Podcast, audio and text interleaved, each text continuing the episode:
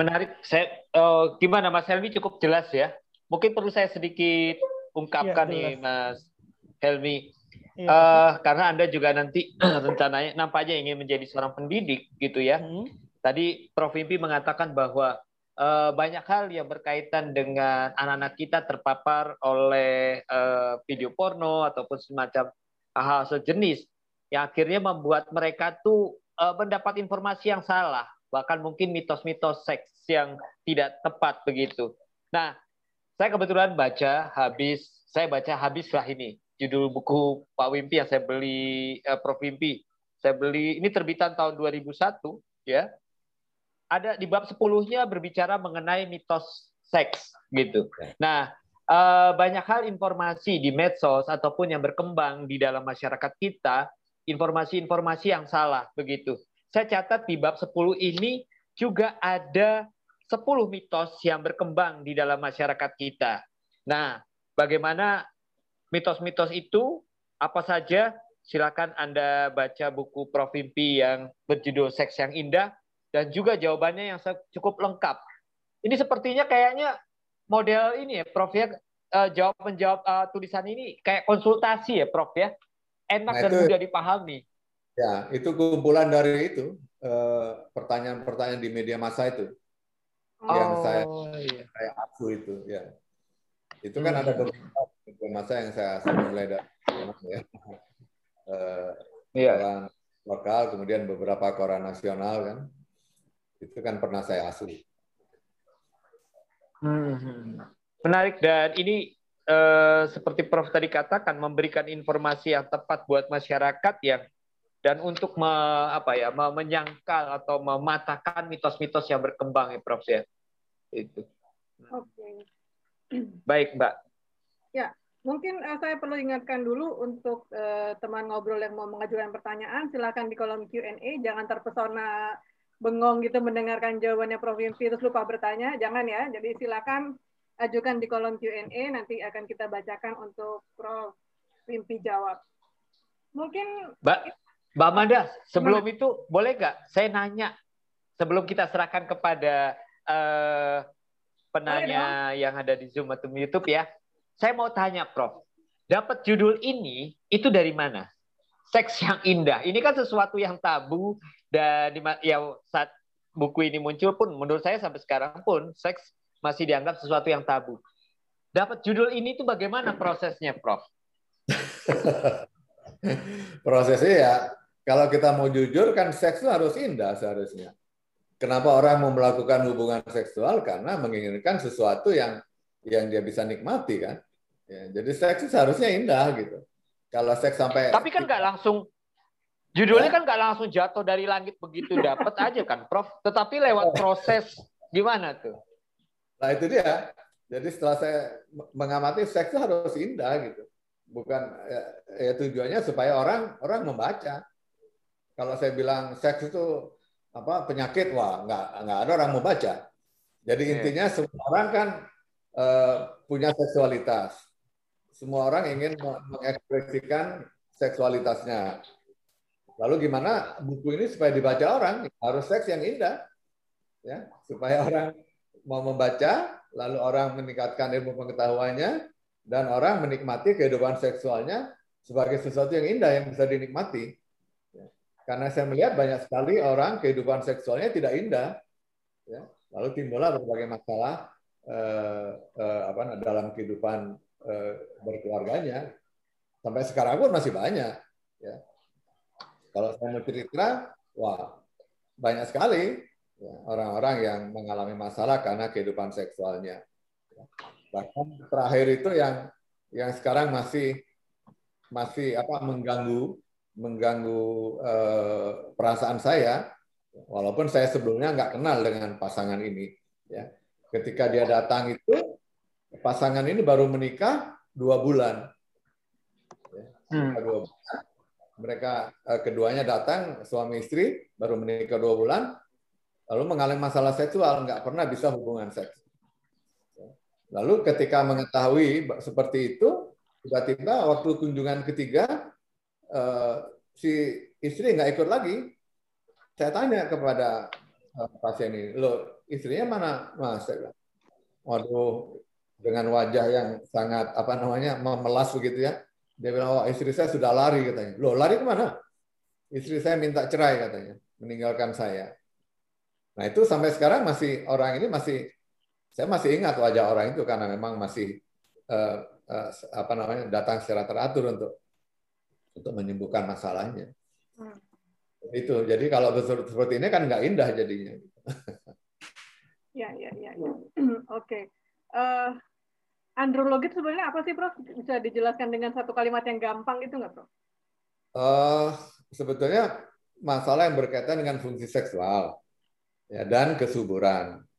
Nah, fungsi seksualnya itu meliputi laki-laki dan perempuan. Kira-kira seperti itu. Oh, kalau kesuburan laki-laki aja ya? Enggak, kalau seksualitasnya laki-laki dan perempuan. Kalau kesuburannya itu laki-laki saja. Oh, oke. Okay. Ya, ya, ya. Enggak, soalnya saya penasaran nih, Prof. Kok eh, apa namanya? Kalau saya baca di bukunya apa di profilnya itu kan ada 21 buku tentang seksualitas, 4 buku tentang anti aging, satu buku kumpulan opini. Nah, apa Prof yang menarik dari seksualitas itu sehingga kok ingin menuliskan dalam bentuk buku? Saya tanya nah, ya, itu... ya sebelum dilempar ke peserta yang ya. lain. Jadi intinya sederhana sebetulnya. Seksualitas sebagian kehidupan kan? Hmm bagian kehidupan nggak ada manusia yang nggak punya seksualitas. Gitu. Nah, masalahnya itu ada yang bermasalah atau tidak. Gitu. Yang bermasalah itu, yang mengalami masalah seksual apa pun bentuknya, ya itu akan menimbulkan akibat buruk. Akibat buruk itu antara lain berpengaruh pada kondisi kesehatannya, ya. Atau dibalik, gangguan itu muncul karena orang itu mengalami gangguan kesehatan. Gitu. Ah, mungkin banyak orang nggak tahu. Misalnya yang sederhana ini. Contohnya seorang bapak, seorang laki-laki mengalami diabetes, kencing manis. Oh, kencing manis kan biasa itu. Terlalu banyak makan gula, mungkin orang bilang begitu. Hmm. Orang nggak pernah berpikir salah satu akibat kencing manis itu diabetes adalah gangguan seksual, gangguan ereksi. Gitu. Nah, itu misalnya contohnya. Ya. Sehingga betul-betul orang mengalami gangguan seksual, laki-laki atau perempuan, itu sebetulnya dia tidak sehat. Hmm. Ada sesuatu yang membuat dia tidak sehat yang harus diatasi. Nah, kira-kira gitu. Sampai sekarang masih banyak orang nggak nggak nggak nggak apa namanya nggak berpikir ke situ. Dikira gangguan seksual itu semata-mata gangguan organ seks saja enggak. Ada sesuatu di balik itu. Ya. Nah, salah satu adalah Eh, orang yang mengalami proses penuaan. Nah, karena itu kemudian muncul kaitannya dengan anti-aging medicine itu.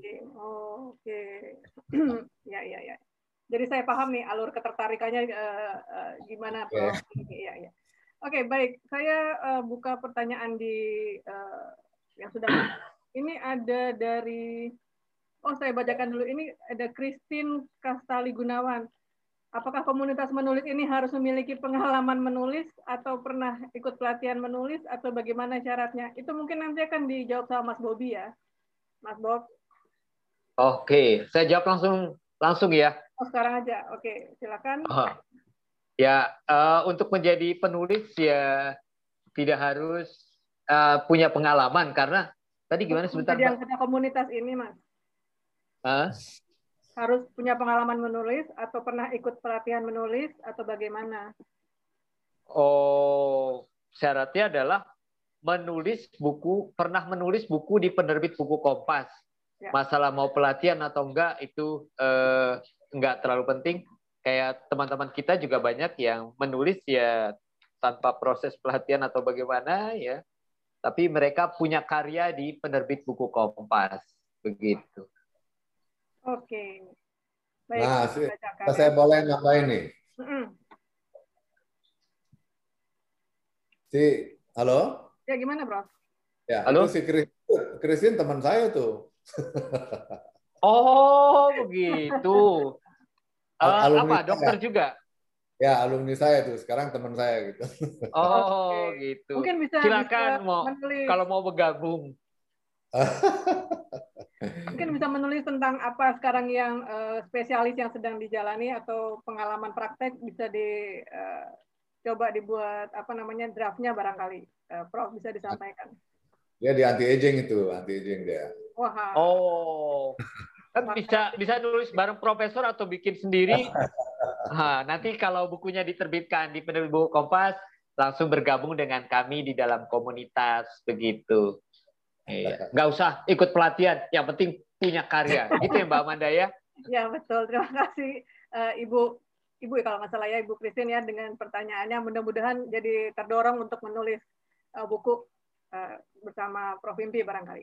Oke, berikutnya. Tapi kalau sempat ikut pelatihan juga bagus, seenggaknya lebih uh, mungkin bisa lebih uh, sistematis atau semacam itu. Tapi yang paling penting adalah di komunitas kami punya karya dan diterbitkan di penerbit buku Kompas. Oke, silakan. Oh, ini kok jadi saya yang ikutan jawab nih, Mbak?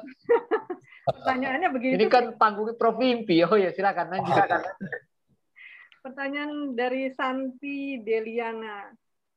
Saya Santi, fansnya Prof Wimpi. Wah, ada fans ini, Prof. Wow. Teman saya juga tuh. oh. Bagaimana caranya atau tipsnya untuk menulis cerita-cerita dari pengalaman komunikasi seksual suami istri? Terima kasih. Bagaimana caranya, Prof? Gimana caranya? Dikumpulin aja masalahnya seperti saya ngumpulin eh, apa namanya pertanyaan-pertanyaan itu, ya. Tinggal di apa namanya, tinggal dinarasikan dalam bentuk kalimat-kalimat yang enak, enak dibaca. Ya. Jadilah, saya kira. Nah, cuma sekarang itu yang pernah saya tanya ke, saya pernah tanya ke Pak Patri, Pak Patris, Mas Patris.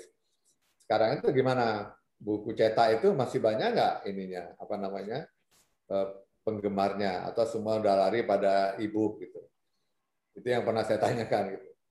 Kalau bagi saya sih baca ibu masih nggak nggak seenak baca buku ya. Saya nggak tahu bagi teman-teman lain itu. Ya, karena kalau ibu itu kan kayaknya ter, terpaku pada ya terpaku pada HP atau atau laptop sementara kalau eh, buku cetak kan bisa setiap saat saya di stop tinggal baca lagi lanjutkan gitu entah yang lain gimana apa namanya begini prof ya. Mungkin maksudnya lebih ke arah apakah untuk menghindari sensor atau menyampaikan sesuatu yang tabu gitu nggak sih prof? Pertanyaannya ibu Santi ini. Oh nggak juga. Saya kira kalau buku kan nggak ya. Buku kan kita bebas saja.